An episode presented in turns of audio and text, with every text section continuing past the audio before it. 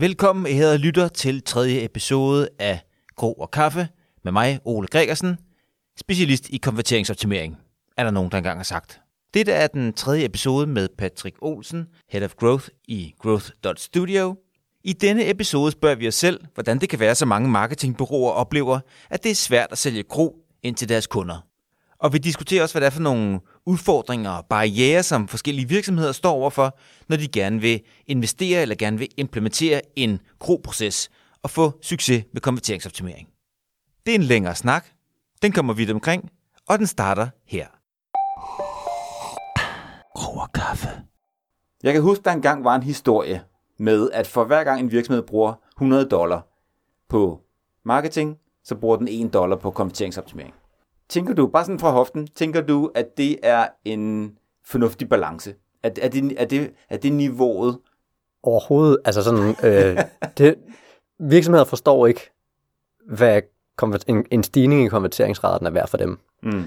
Så altså sådan, bare også internt i marketing, er der en kæmpe forskel på øh, den måde, forretninger vælger at investere i, fordi der er nogle, altså der, der er alle mulige grunde til, at folk bare vælger at tage de lavest hængende frugter først, og øh, det her det er nemmere at skrue på, og det er sådan, man gør. Ja. Øhm, øh, virksomheder forstår ikke værdien, de får af, af, øh, af kro i forhold til, hvor mange penge de, de skal bruge på det. Ikke?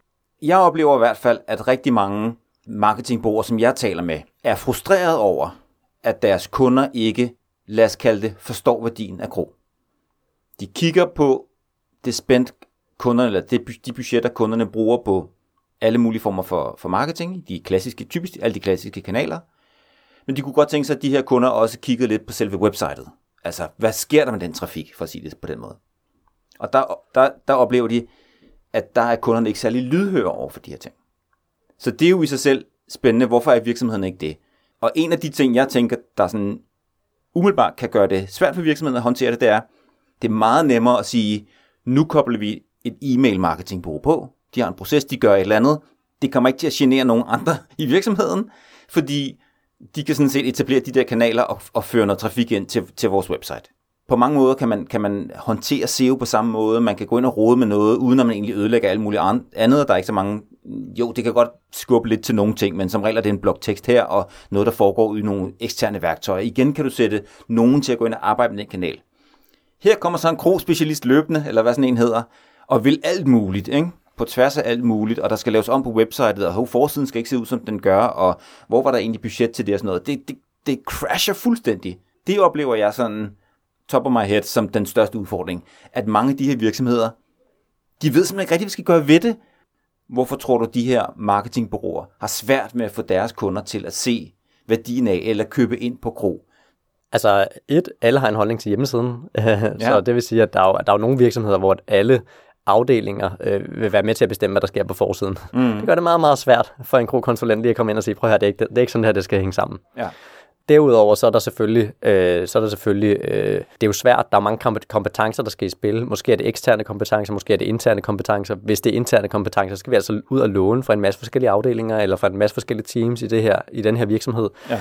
Øhm, og det er en svær øvelse i forhold til, som du selv nævner, hvis vi bare skal sætte et nyhedsbrev op ikke? Jo. Øh, i gåsøjne. Det tager tid at bevise krogcasen i en organisation. Man kan sige, hvis du begynder at sætte nogle nyhedsbrev ud, og du har en nyhedsbrevsliste, så, der, så efter, efter du har sendt ud en gang, så kan du ligesom se return. Når du arbejder med kompeteringsoptimering, det tager altså noget tid at bygge en test, det tager noget tid at køre testen, det, hvis du laver split-test selvfølgelig. Ikke? Jo. Og, og, det kan, og du skal have en hel sekvens af test, før at, øh, før at du virkelig er i gang med det som, som virksomhed, og før du har implementeret det også. Og man kan sige, det, det, er jo, det er jo bare en tidskrævende proces, som kræver buy-in, som kræver, at mm, det er noget, virksomheden gerne vil, og noget, man prioriterer. Ikke? Mm. En anden stor forretningsværdi er selvfølgelig, og det er en af, det, en af de øh, øh, ting, jeg kalder for øh, one of the hero powers of Crow, det er jo selvfølgelig, at vi undgår at implementere de ting, som ikke virker. Ikke? Øh, Google har et tal, som hedder, at 70% af alle split-tester bliver kørt gennem deres Optimize-platform.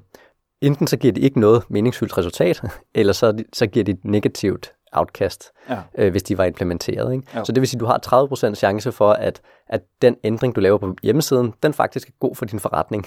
Ja. øh, og det vil sige, at hvad nu hvis vi bare implementerede en masse ændringer på vores hjemmeside? Nå, men så er det kun 30% af de ændringer, vi laver, som faktisk er gode for forretningen. Ja. 70% af det er jo faktisk har ikke givet mening at bruge tid på, eller skader forretningen. Men hvis der kommer et bureau og siger, okay, vi leverer, øh, vi leverer en række splittest til dig. Hvis, tre, altså, hvis de tre første splittests faktisk er negative, så vil virksomheden jo sidde tilbage og have den her kæmpe følelse af, ej, det er ikke værd at investere i. Øhm, og bureauet vil stå rigtig dårligt, fordi du ved, ja, altså nu, nu har vi prøvet det her, øh, og der kommer ikke nogen succescases, men i virkeligheden, så er det nogle af de største succescases, det er jo, når du ikke implementerer de ting, som du troede, der ville der vil skabe værdi, ikke? Ja. Og, så, og så kan det være, at den fjerde test, den bliver succesfuld, men så er det også sådan, så, så, vil, så vil du bare sidde tilbage som konsulent i et bureau og have en lidt tør fornemmelse, fordi dine kunder føler faktisk ikke, du har leveret værdi, men i virkeligheden, øh, så har de sparet rigtig mange penge. De ved, altså, det er bare ikke sådan, de ser på det, ikke? kaffe. Der er jo sindssygt mange virksomheder, der er online i Danmark, ikke? Og hvor mange af dem arbejder egentlig systematisk med kro, eller efterspørger en eller anden måde at gøre det. Det er 100% ledelsen. Det er mm. ikke øh, størrelsen på virksomheden. Øh, jeg tror sådan, altså, det er klart, der er nogle meget små virksomheder, som slet ikke får nok trafik til, at det giver mening at sætte standardiserede sådan, kro-processer op omkring at mm. kontinuerligt optimere en, en, en bestemt øh, øh, online hjemmeside. Men, øh, men, men det er helt sikkert en, øh, en ledelsesting. Det er først, når lede, altså, hvis vi har nogle ledere i forretningen, som forstår, at det her det er noget, som giver mening at, øh, at investere i over tid. Øhm, det kan godt være, at de ikke forstår hele billedet, men de, de har i hvert fald været nok til nok konferencer, eller haft nok samtaler med deres online marketingbureau, som har sagt, prøv at høre, konverteringsret, konverteringsret, konverteringsret. Øhm, det er først, når de, når de når på, til, et, øh, til et vist punkt i deres modenhed her, at, øh, at det kan betyde meget. Jeg har også oplevet, at der er nogle ledere, som går, øh, du ved, fra, fra den ene forretning, skaber en kæmpe krogsucces internt i den forretning, går videre til den næste forretning, vi gør det samme her, og det lykkedes, går videre til den næste forretning, vi gør mm. det samme der, og det lykkedes. Ikke? Mm. Øhm, og der er det jo kun, at det er jo bare fordi, der er en leder, som har forstået, prøv at høre, det kan være en kæmpe ting i forretningen, lad os, øh, lad os få gang i det, lad os øh, lave en proces for det, øh, ja. lad os investere i det. Ja, fordi at, at, at det jeg også oplever med, med, med marketingbureauer, der er frustreret over krodelen her, det er jo ligesom, at de, de forstår ikke, hvorfor virksomheden ikke køber mere, køber, køber mere, mere ind på det. Så, så det starter i hvert fald, lyder det til, i virksomheden mere, end det starter i, i, i hvad skal man sige, pitchet. Altså du skal i hvert fald arbejde hårdt hvis en virksomhed på ingen måde er interesseret i at øge deres konverteringsret, eller i hvert fald ikke har det på radaren, så skal du arbejde rigtig hårdt for, at du unlocker budget og unlocker, du ved, den organisatoriske øvelse, der er at have en kontinuerlig krogforløb, ikke? Jo, men det sjove er med konverteringsoptimering, at når man taler om det, når man præsenterer ideen om, hvad går det her ud på, når du siger det, du siger her omkring, hvad virksomheden kan få ud af konverteringsoptimering, så vil du jo ikke have en ledergruppe eller nogle virksomhedsejere, der sidder og ryster på hovedet og siger, det der, det skal vi ikke have. Det vil de alle sammen gerne have. Og det, det, det, altså den, det, det der med at få, få den værdi ud af det, øh, kan man sige. Jeg synes rigtig mange, jeg taler med om konverteringsoptimering, undrer sig over, når konverteringsoptimering er så åbenlys en, et, et, det giver så god mening at optimere på sit website, jamen hvorfor er der så ikke flere, der arbejder med det? Ja. Hvis alle er enige om, konverteringsoptimering i sig selv, den måde at arbejde på, den måde at gå ind og få noget mere ud af trafikken, hvorfor arbejder alle virksomheder ikke med det? Hvorfor er det ikke på dagsordenen i alle virksomheder? Men det er jo et initiativ, der skal skabes i virksomheden. Så ja. der er en lidt større ting at tage beslutningen. Og det kan godt være, at eksekveringen af det, af det faktisk bliver meget nemmere, end det virksomheden troede. Men altså, jeg har også oplevet at være i, i virksomheder, større virksomheder, som er meget sådan, øh, fokuseret på omsætning og fokuseret på øh, bundlinje, hvor at man har nogle fantastiske konverteringsoptimerings øh, cases fra virksomheden, har mm-hmm. skabt nogle insane resultater. Og at the end of the day, så har de bare nogle udfordringer i, øh, i IT, som gør, at de ikke kan implementere de, øh, øh, nogle af de ændringer, som, som, som man har lavet øh, eller testet. Øh, og så er det simpelthen bottlenecken, som gør, at prøv at høre, det giver slet ikke mening at investere i Kro, hvis vi har en, altså andre udfordringer organisatorisk i virksomheden. Og man kan sige, der er rigtig mange organisatoriske udfordringer ved at implementere Kro. Mm. Og det er der ikke på samme måde i andre kanaler, eller ved at, ved at lave øh, forskellige former for, for marketingøvelser. Øhm, og jeg oplever også, at rigtig mange virksomheder, der ved man rigtig meget om marketing.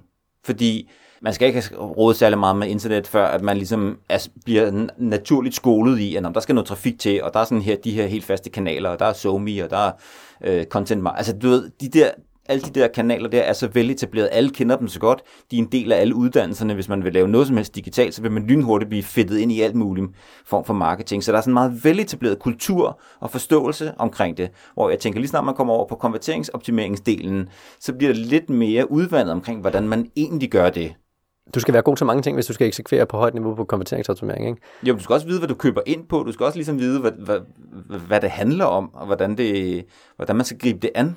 Jeg tror, at de fleste virksomheder i dag, de ved, at der er en proces omkring det. De ved, at det handler om at teste. De ved, at det handler om at inddrage brugere. Mm. Øh, når jeg snakker med virksomheder, som ikke har gjort sig så meget i det, så har de stadig en grundforståelse for, okay, konverteringsoptimering, det handler om, at man skal forbedre hjemmesiden og brugeroplevelsen. Mm. Øh, hvordan man praktisk, altså sådan, der er jo øh, en stor forskel på at sige, at vi vil gerne have kro, og vi har en proces for det, og hvordan vi så skaber reelle kommersielle resultater ud af det. Ikke? Og mm. man kan sige, hvis du, hvis du, hvis du øh, vælger at se med marketingbriller på i øh, øh, på, på en hvilken som helst kanal, som du vælger at gøre det på, så kan du skrue op og ned, og du kan køre et eksperiment meget hurtigt. Det er altså ikke lige så hurtigt at gøre det med kro. Så der, der, der skal man bare, altså som virksomhed igen, gå ind og tage valget og sige, hey, nu, mm. nu, nu satser vi det på det i den her periode, ikke? Og kaffe. Jeg oplever lidt, når jeg taler med, med, med virksomheder, der er interesseret i at arbejde med krog, at der kan være sådan en tendens til, at de tænker mig lidt som sådan en tryllekunstner, som en troldmand. Hvor de siger, jamen øh, nu har vi taget kontakt til sådan en krofyr, det er dig, Ole, og det vil sige, at øh, vi regner med, at du møder op og peger på ting, som vi har selv har overset, og som øh, er sådan super forretningsspecifikke, og hvor du ved, når vi handler om at sælge den her type produkt i det her marked, at så, øh, så kan du pege på nogle ting, og så retter vi dem, og så stiger vores omsætning helt vanvittigt. Altså sådan en form for sådan tryllekunstner-agtigt, ikke?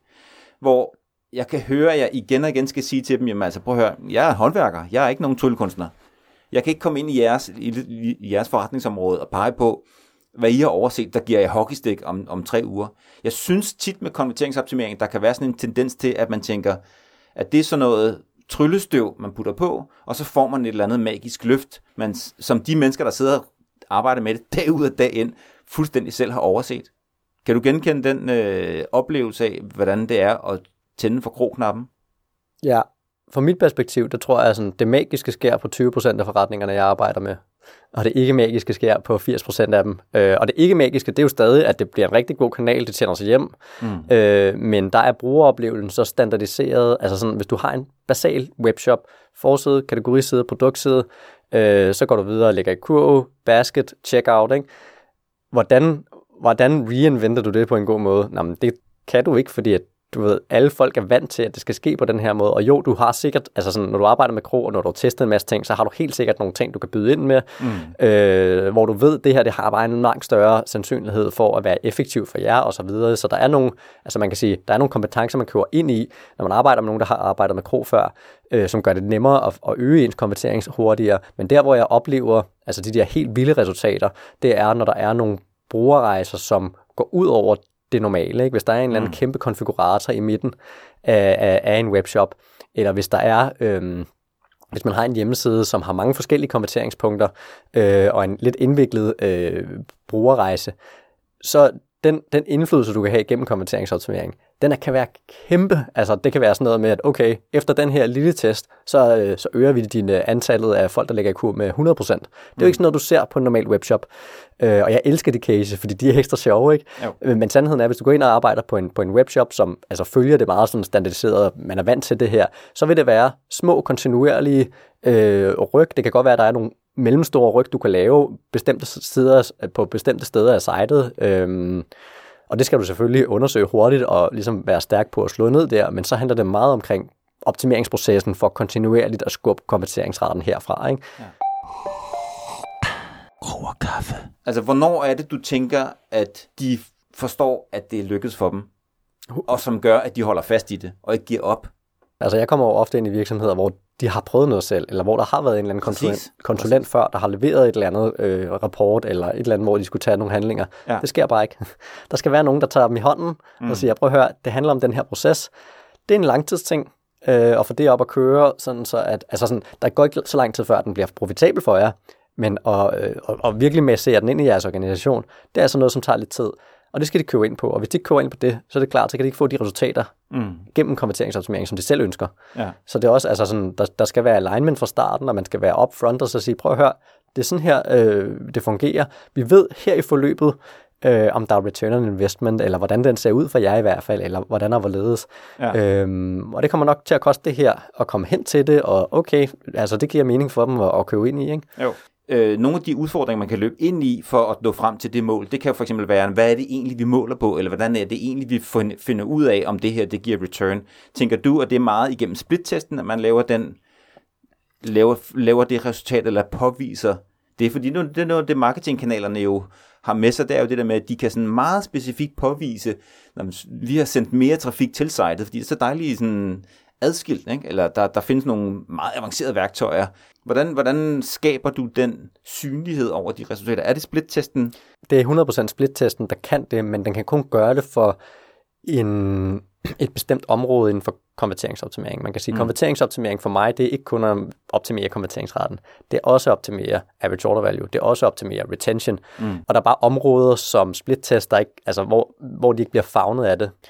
Så jeg vil sige, at altså sådan, det handler om internt i virksomheden, lave den gode case gennem split-tests, øh, gennem brugerinddragelse eventuelt. Mm. Øhm, og så herfra, så begynde at have samtalen med dem om, som hedder, okay, vi kan også kigge på jeres retention. Det er sværere for os at måle, men vi har de her, de her øh, måder, vi kan være sådan nogenlunde sikre på, at, at der er fremdrift. Det er det her, der, altså det her, det er værdien i det for jer. Mm. Giver det mening for os at bruge tid på? Det er lidt sværere at se, men det er ligesom, hvis vi taler marketing, det er jo ligesom investere i en brand. Hvordan måler du det? Ja, øh, ja. det er jo også lidt mere fluffy. Men lad os holde fast i den, for den er jo spændende, den der med, hvad, hvad, hvad oplever du i forholdet mellem at ville have sådan hårde, sådan øko, øko, altså sådan penge, pengetal, øh, hvor du kan ligesom sige, om her kan I se, at det, i, i testperioden, der var omsætningen så så meget højere, bla, bla, bla, for varianten eller et eller andet, versus her har vi lavet nogle brugertest, de er blevet klogere på, hvad det er for nogle spørgsmål, jeres brugere stiller, sådan de der mere bløde ting. Oplever du, at, at, der, at virksomhederne foretrækker det ene frem for det andet? Øhm. For ligesom at acceptere værdien, fordi begge dele er jo værdifuldt. Ja, tallet er det vigtigste mm. for virksomheder. Øh, men jeg oplever ekstremt meget værdi i at faktisk kombinere det her. Øh, så hvis du laver en proces, som hedder, at okay, øh, først så øh, prøver vi at lave nogle designs, øh, så bygger vi dem, så øh, får vi brugere ind på dem, så får vi noget feedback, så laver vi en, altså så laver vi en bedre design baseret på det, vi faktisk lærer om brugerne, så forstår vi langt med, bedre, hvordan vi designer godt for dem. Mm. Øh, og så kører vi en split-test for at være 100% sikker på, øh, at det her det også til masserne ligesom øh, tjener sig hjem. Ikke? Jo. Øh, hvis du viser den proces, og der er nogle gode tal, eller nogle gode findings, eller et eller andet indimellem, så, øh, så har jeg oplevet, at det, det, det kan være ekstremt værdifuldt som en god case for forretningen over kaffe. Jeg oplever rigtig meget med, med de projekter, jeg laver, at der vil være en, altså, der vil være en økonomisk udgift for virksomheden til at starte med, en, en, en pukkel, fordi der er noget review, der er noget audit, hvad vi nu vil vælge at kalde det. Der, der kan være, at man laver noget brugerinvolvering, det kan være, at man skal kigge dybt i nogle data, sådan noget. Det tager tid, der er en del timer involveret i det, så det vil sige, der, der vil være sådan en pukkel til at starte med, øh, før vi når frem til at kunne lave vores analyse, eller før vi kan lave vores redesign. Der, der er to ting, jeg vil sige med det. Den ene ting, der er, at jeg oplever, at mange virksomheder, de får de der rapporter der, og så bliver der meget stille. Øh, fordi så drukner de jo i, for det første, en ting, at de skal have prioriteret, og hvad skal vi løse, hvad skal vi ikke løse, og hvad kan vi løse, hvad kan vi ikke løse, hvem skal løse det, hov, de havde allerede travlt, bla bla bla, og så tror jeg simpelthen, de knækker halsen på det. Og reelt set, det er så den, den anden del af det, det er jo det her med, det er måske først langt senere, de ser resultatet af det, fordi det er der, vi så begynder måske at køre de første test. Og dem skal vi køre nogle stykker af, før vi kan komme i mål måske. Øh, kvæg det, du siger med, at det er måske kun 70% af testen, eller 30% af testene, der giver noget positivt. Oplever du også, at nogle virksomheder knækker halsen der på den første del af det, og at det i virkeligheden først er langt senere, at de henter resultatet af den der investering, de skal lave tidligt? Øhm, når jeg begynder at arbejde med kunder, så øh, altså sådan, enten så kan de vælge en ekstern løsning, hvor vi ligesom håndterer det, eller så kan de vælge en integreret løsning, hvor at vi kommer ind og hjælper dem i, i forretningen og mm. skaber, mm. altså sådan integrerer det i forretningen. Ikke? Mm. Øhm, og ved den sidste, der måden det foregår på, det er faktisk, at hele det her review, du snakker om, det laver jeg sammen med kunden, og vi bruger faktisk ikke så meget tid på det. Øh, vi, vi bruger noget tid på det, men den, øh, altså, den involvering, de får, og den uddannelse, de får ved selv at blive i stand til at gøre det, føler de er ekstremt værdifuld. Ja. Øh, herfra, så, så handler det meget for mig, altså det, det første, det handler om, når man kommer ud til en kunde, det er sådan, okay, vi skal hen til et stadie, hvor vi kan vælge den første lille split-test og gå videre med, ikke? Fordi ja. det handler rigtig meget om at få etableret den her proces. Når, når vi har processen op at køre, så kan man vælge at angribe de større ting.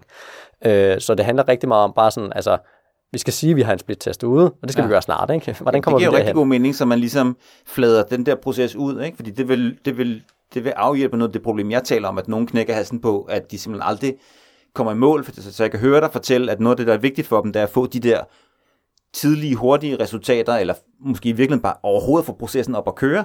Altså, man... jeg, jeg tror, sådan, min, min, min, til, altså, min tilgang til det er, at man skal øh, selvfølgelig have nogle tester op at køre, men herfra handler det rigtig meget om, hvad for nogle test du kører. Mm.